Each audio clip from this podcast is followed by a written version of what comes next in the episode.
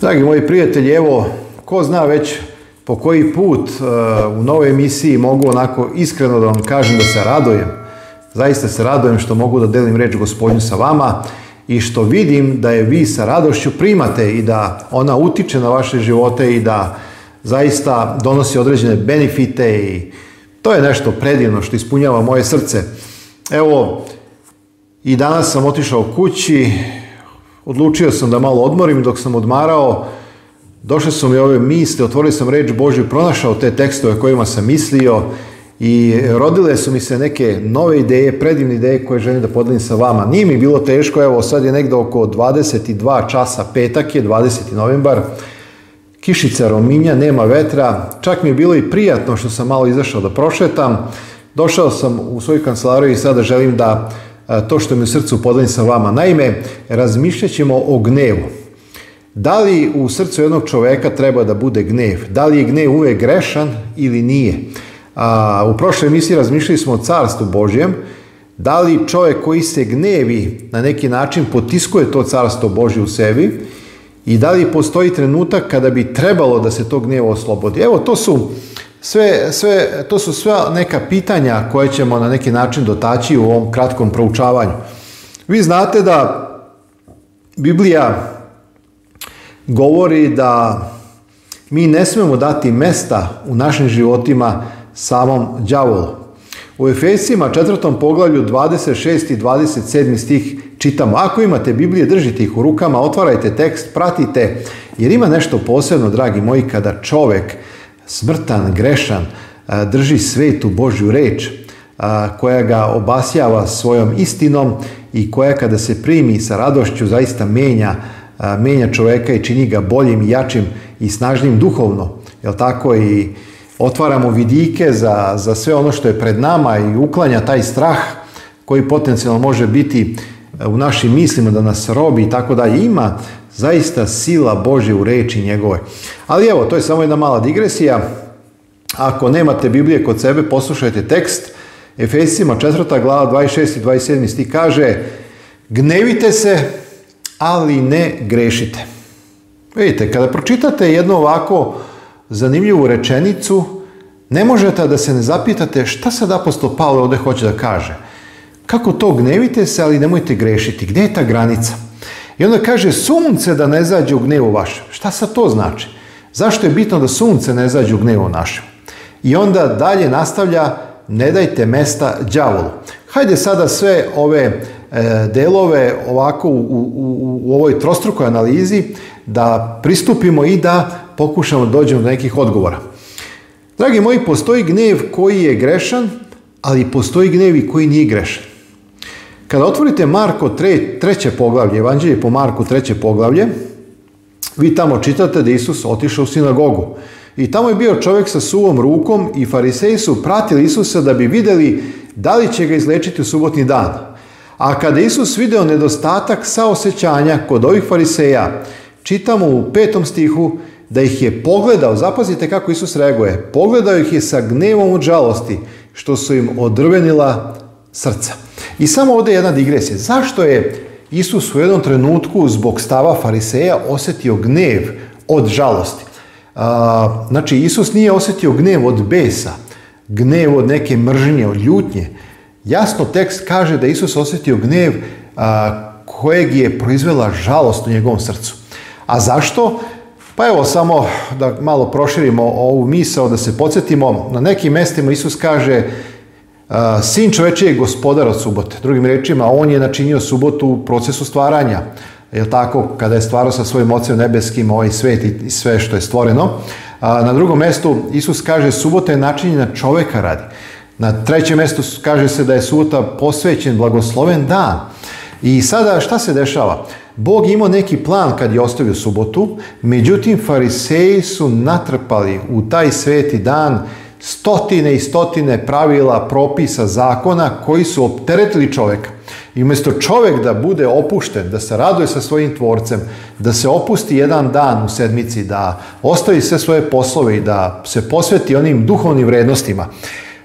Samo jedna digresija, svaki dan mi se posvećujemo duhovnim vrednostima, svaki dan smo mi sa Hristom, ali ovo je poseban dan kada još imamo više vremena zbog toga što se ne rade materijalni poslovi. Tamo kaže, sećate se, četvrta zapovjed, šest dana radi, a sedmi dan. Znači, i sada, Isus koji je gospodar od subota, Isus koji je načinio i rekao da je subota načinjen čoveka radi, posmatra koliko su otupeli ovi fariseji, koliko su je zatrpali određenim pravilima i onda ono što bi trebalo da bude prioritet, a to je čovek, bolesni čovek mu treba pomoć i umjesto da se raduju što će sada Isus da isceli ovog čoveka, oni su razmišljali kako da ga uhvate u neku klopku, kako da ga osude i tako dalje i tako dalje. I on kaže, e, licemeri, pa ako vam upadne magarac u bunar u subotu, zar ga nećete izvaditi? A koliko je čovjek pretežniji od te životinje? I tu sad ima mnogo tema i izvinjam se, ja ne mogu jednom u tom pravcu, ali Isus je bio žalostan, on nije izgubio kontrolu nad sobom, jer, dragi moji, Isus je bio pun duha svetoga, a, i čovjek koji je pun duha svetoga nikada ne gubi kontrolu nad sobom. On je imao žalost i gnev prema tim ljudima. Sjećate se kad Isus ušao u hram i umjesto da je vidio ljude koji se mole, umjesto da vidio ljude koji čitaju Bibliju u tim okvirima hrama, u, u tim međama hrama gdje je prosto ta lokacija predviđena za molitvu, on je video trgovce, on je video da su ljudi izgubili smisao tog mesta i svega onoga za čega je taj hram građen. I Isus se toliko razgnevio od žalosti, ne, zato što je bio besan ili zato što mu je, što mi kažemo u žargonu, puko film, tako? Ne, nego zato što je bio Bog u telu koji je video ljude da su zaboravili na one suštinske vrednosti. I njima je bio samo profit u mislima i oni su trgovali, ali su zaboravili da je hram bilo mesto molitve, što Isus i potvrđuje. Kaže, umjesto da bude kuća molitve, vi načiniste pećinu hajdučku. I tako dalje, i tako dalje. Znači, to je e, drugi primjer gdje posmatramo naše gospod Isusa Hrista koji se razgnevio. ovakav gnev kada se on tiče slave Božje, dobra drugih ljudi i tako dalje, nije greh, ali postoji gnev koji se javlja u nama, koji je vezan za nas i tu postoji problem i tu je početak, dragi moji, greha. A gnev zbog toga što me je neko prevario, uznemirio, poremetio moje planove, otežao mi stvari ili me povredio, sav taj gnev koji se javlja jeste greh. Zašto?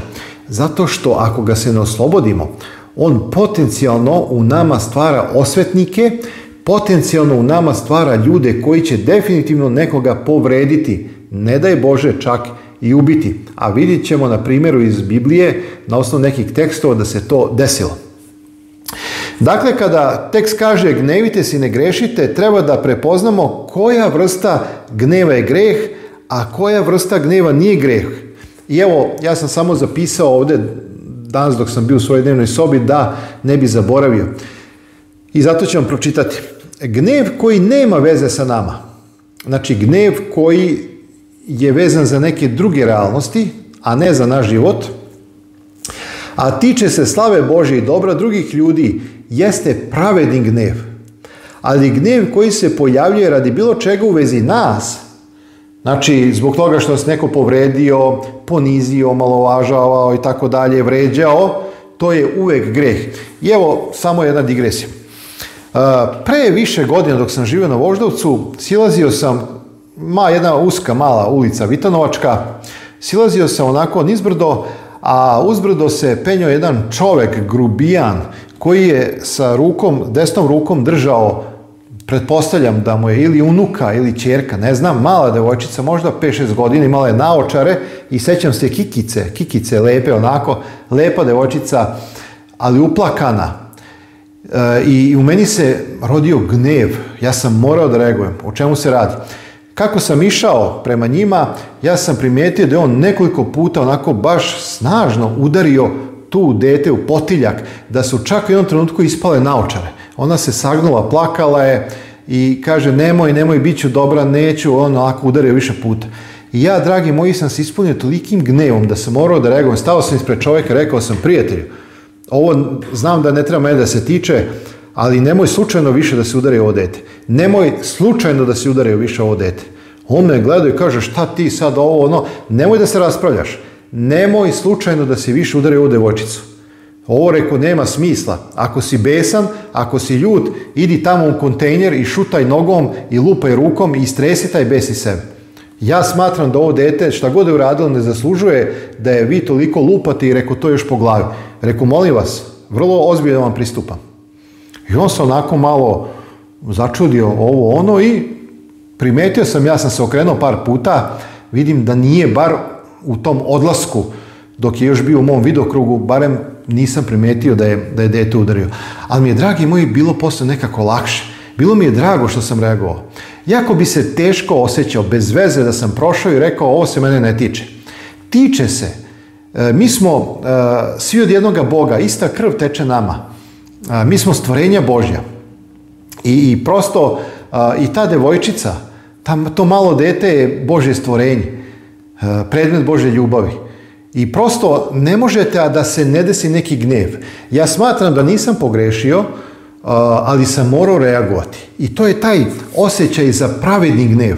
Međutim, da je mene neko uvredio, uh, da je meni neko načinio neko zlo i onda kada se javlja gnev, tu moramo biti oprezni jer iz te vrste gneva se rađa greh i sad ćemo vidjeti u kom smislu.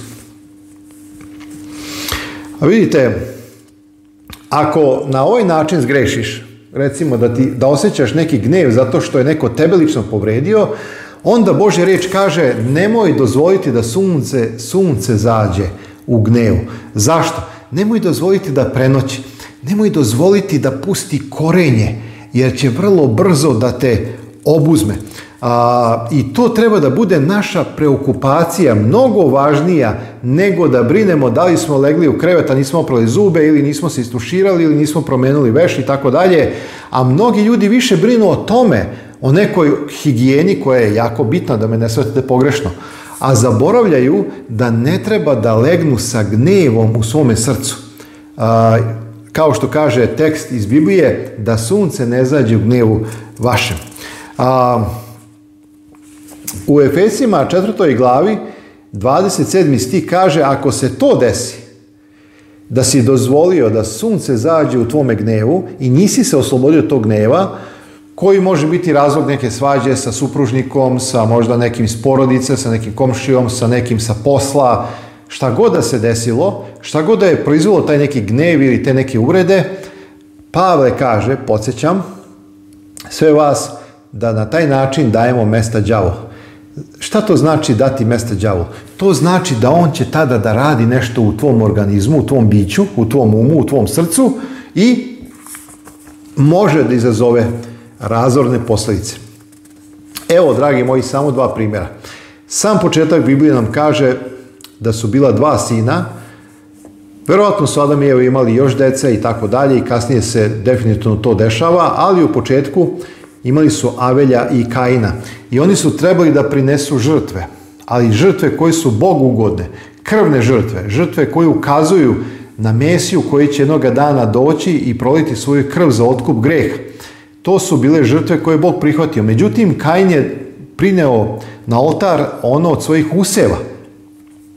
I Biblija kaže, da sada ja to malo brzam, da je Bog pogledao na Aveljevu, ali nije pogledao na Kainovu žrtvu. I to je prouzrokovalo da se u Kainu pojavi gnev koji se rodio kroz zavist i kroz ljubomoru i kroz mržnju prema svom mlađem bratu. I pazite, Bog reaguje i Bog dolazi na taj određeni način kako je prilazi u to vreme i obraća se Kainu. I zapazite, dragi moji, šta kaže? Kaže e, reč Božja da se Kainovo lice promenilo, da je došlo do određenih emocija koje su krenule u lošem pravcu. A gospod mu kaže što se srdiš, što ti se lice promeni. Ako činiš dobro, drugim rečima ako imaš dobre namere, zar neće tvoj lik biti ohrabrujući? Bićeš ljubazan, a ne negativan. Dragi moji, ali Kaj nije slušao. Kaj nije razumeo ono što mu Bog govori. Kaj nije razumeo opomene koje mu Bog šalje. I pošto nije slušao Boga kada je pokušao da ga upozori, otišao je i postao ubica. Ne istog trenutka. Prošlo je neko vrijeme.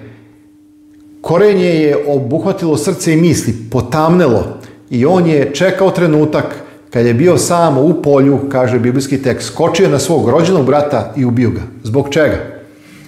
Samo zato što je bio ljubomoran jer je Bog pogledao na aveljevu žrtvu, a na Kainovu na njegovu nije. I vidite, Bog upozorava, Bog od početka vidi kraj i Bog želi da spreči to brato ubistvo.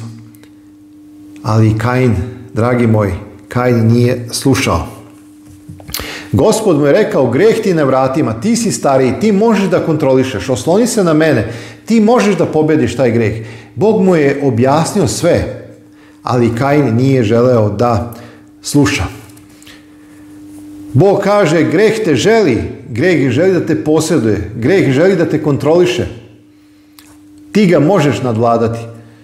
Dragi moji, evo zašto to sam ponovio sa dva tri puta? Pa zato što ista situacija. I danas Bog Duhom svetimo, pomije ljude i utiče na ljudski um poziva ljude da se vrate od svojih greha, poziva ljude da se oslane na Boga, upozorava ljude po celome svetu.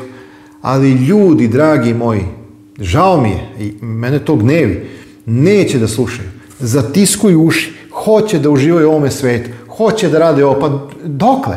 Zašto toliko želimo da uživamo? Po znacima navoda, nije ni to uživanje. Kad bi ljudi shvatili šta je pravo uživanje, oni bi odmah ostavili ovaj svet. Ja sam iskusio šta je ovaj svet, imao sam i teretano, išao u diskoteke, imao društvo i družio se i svašta, a onda sam predao život Bogu. I onda sam shvatio da ovo što mi Bog daje mnogo veća radost, mnogo veće uživanje nego ovaj svet, jer ovaj svet laže i vara. Drugim rečima, duh ovoga sveta je duh đavola. I on sve što ti da na kašikicu, u sljedećem već danu ti uzme trostruko više. To je slava koja kratko traje, dragi moji. Božja slava je večna. dakle, ovdje vidimo gnev koji je proistekao iz zavisti. Kain je video kako je Bog blagoslovio Avelja, nije mogao to da podnese. Lice mu se promenilo. A šta je tu Avelj kriv? Šta je tu krivica Aveljova? On nije ništa učinio prema Kainu. Ali vidite, sam taj stav, ti si bolji od mene, ti si važniji u Božjim očima, ti si ovakav, ti si onakav, proizveo je da se Kain totalno promeni. Evo još jedan tekst a, kojeg čitamo u prvoj Samuilovoj 18. poglavlju. A, David je dobio na slavi kada je ubio Golijata. Vi znate na osnovu Biblije, na osnovu određenih detalja koliko je Golijat bio ogroman, mada i on je bio mali pimpek u odnosu na pretpotopne ljude koji su bili pod 5-6 metara visoki, znači postoje kosti, postoje otisci u tvrdim stenama ljudskih stopala koje su i po 68 cm. Mi smo, dragi moji, degradirani grehom. Mi smo danas pajaci, skakavci naspram onih ljudi koji su bili nekada. Vidimo kako svet odmiče, ljudi su sve više degradirani grehom i sve smo slabiji kao generacije i sve smo bolešljiviji i tako dalje. To je sad jedna druga tema. E sada, čitamo slučaj kada je David ubio Golijata i sve žene izraelske, kaže nam tekst u 7. stihu 1. Samuile 18, su pevale Saul je pobio svoje hiljade, a David je pobio svojih deset hiljada i počinjale su da uzvišuju Davida. Reputacija Saula je počela da pada. I šta se, šta se javlja u Saulu? Šta se javlja? Gnev, zavist, ljubomora. Zašto? Zato što ona deo njega. To je gnev koji vodi u greh. Ako ga se ne oslobodimo, to nije onaj gnev koji je bio u Hristovom srcu ili onaj gnev koji se javio u meni kada sam vidio kako onaj tamo udara onu malu devojčicu. Ovo je greh koji se tiče gnev, koji se tiče mog bića. Ja sam pocenjen, ja sam unižen, on je bolji od mene i onda su meni javlja zavist, ljubomora i, i lice Saulovo se menja. I sada zapazite, baš kao što je rečeno za Kaina, kaže se i za Saula, čovjeka koga je Bog izabrao da bude car, da se jako razgnjevio i da ga je zao duh opseo. Zašto ga je opseo zao duh? Zato što je odlučio da ostane u tom gnevu. Nije ga se oslobodio, postao je predmet sotonske zamke i đavo je počeo da ga opseda. I dopustio je da ovaj greh napreduje bez granica. Razgnjevio se zbog zavisti. Rekao je u prvoj Samuilovoj 18.8. Zapazite šta on ponavlja. On ponavlja ono što je čuo da pevaju e, žene Izraela. Kaže, Davidu da deset hiljada, a meni samo hiljade. I sutra dan, kako je lep biblijski tekst, pazite, ne tog dana, nego sutra dan. Zli duh napoje Saula. U jednom trenutku Saul uzima koplje i baca prema Davidu. David se izmakao i tako nekoliko puta. Od tog momenta Saul je imao samo jednu želju, a to je da ukloni Davida. Zato što je David počeo da jača i počeo da bude predmet obožavanja ljubavi naroda Izrela. Dragi moji, zato kaže da sunce ne zađe u gnevu. Nemojte dozvoliti da prenoći, jer ako prenoći, teško ćemo ga se osloboditi i postaćemo potencijalne E, ubice ili u najmanju ruku ljudi koji će povrediti drugog čoveka. Opasno je dopustiti da gnev traje u srcu. To može dovesti da zaoduh opsedne čoveka. Vidimo u slučaju Kaina, vidimo u slučaju Davida, ima, dragi moji, još mnogo primjera u Bibliji zbog vremena, ne možemo sve, ali verujem da je ovo dovoljno. Isus Hristos, hajde da uzdignemo Isusa i njegovu božansku silu i njegovu ljubav. Isus Hrist je došao da nas izbavi od greha. Hajde da tražimo Boga cijelim svojim srcem da budemo totalno oslobođeni te vrste gneva. Definitivno, mi kao hrišćani ne možemo biti mirni i da nas ništa ne dotiče i da nas tako ništa ne zanima i da ne reagujemo na ništa normalno kada vidimo nepravdu u ovome svetu, koja se dešava prema drugom čovjeku, koja se dešava prema Bogu. Evo, kažite mi, evo, evo samo jedan primjer. Odete na pijacu da kupite nešto i tamo čujete kako ovaj na tezgi psuje Boga. Jel vas to dotiče? Pa normalno, dragi moji, da će vas to dotaknuti zato što volite Boga. Proizvešće gnev. Ja, mislim, to je moje iskustvo, to ne znači sada svi treba da reaguju tako. Ali ja jednostavno kažem, prijatelju, Uh, evo ti kesa nazad, nemoj mi meriti, odustaje, On kaže zašto? Sad si opsao Boga. Zašto ne psuješ đavola? Bog je ljubav, Bog je istina, Bog te spasao u Isusu Hristu na krstu Golgote, dao je svog jedronog sina i tako dalje. Ja to na brzinu sve onako ispucam. Rekao, a đavo uništava, djavo proliva krv, đavo je laža, a njega ne psuješ. Rekao, ja ovako postupam da bi ti dao samo jednu poruku. Razmisli o svojim rečima. Nemoj psovati Boga. I pazite, ja nisam zgrešio, ali taj gnev koji u meni je proizveo da se obratim tom čoveku. Ne zato što je mene uvredio, nego zato što je uvredio Boga kojeg ljubim. A on je u tami, jadan i ne zna i pokušavam da mu objasnim da to nije dobro. Evo, to je to. Ali ako neko uredi vas, ako neko vas poceni, ako vam neko nanese zlo vama lično, Čuvajte se tog gneva koji se javlja i nemojte dozvoliti da sunce zađe jer će vas obuzeti i uskoro ćete postati robovi đavola.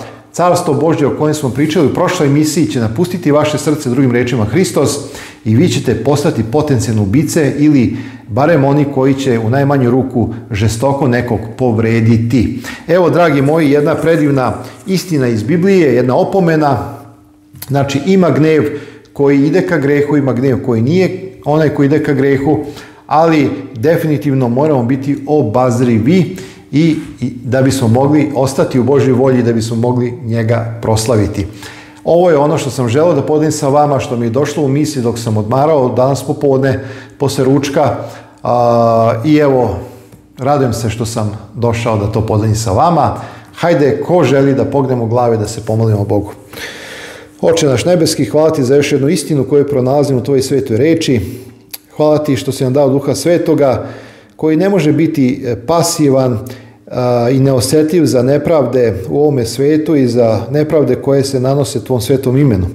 Ali isto tako čuj nas od gneva koji je vezan za nas lično, za naš ego, da ne idemo u postelju, da ne dozvolimo da sunce zađe, jer definitivno na osnovu onoga što smo učili iz tvoje reči, može da nas obuzme i može da nas navede da učinimo neki smrtni greh.